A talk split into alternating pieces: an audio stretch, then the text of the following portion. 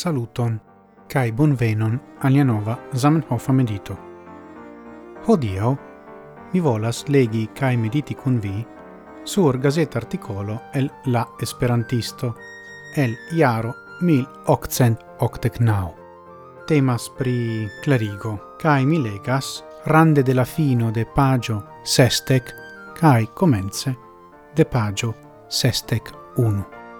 Multai el niai amicoi credeble forte miras, au eble ec coleras min, che en la lasta tempo mi estas tiel ne accurata en la correspondado, en la elsendado de libroi, cae cetere. Multai leteroi adresitai al mi restis ancora o sen respondo, cae ancau la eldonado de la promesitai vercoi iras tre rapide. Mi petas che i boncore min pardonu, char gi venas ne el mia culpo.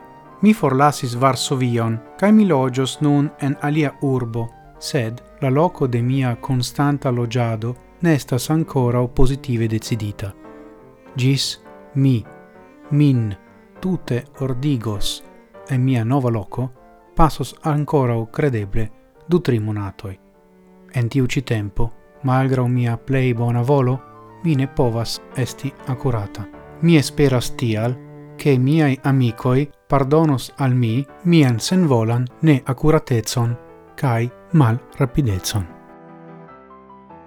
Citiu el tiro parolas al mi recte, pro mia lasta tempa vivo shangio. Mi devis forlassi Milanon cae eclogi plentempe en alia urbo Amsterdamo.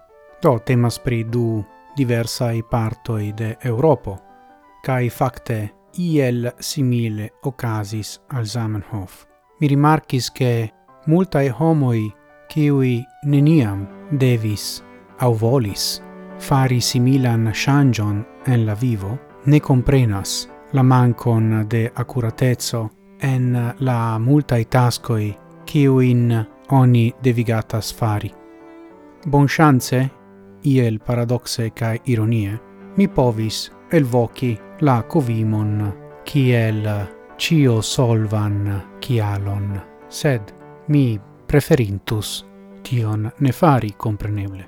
Lasta tempe mi sentis che covimo igas vere quasau dio el la machino quiu venas sur la teron cae cion solvas. Ciu vi havas saman impresson raccontu cae compartigu via in spertoin via place.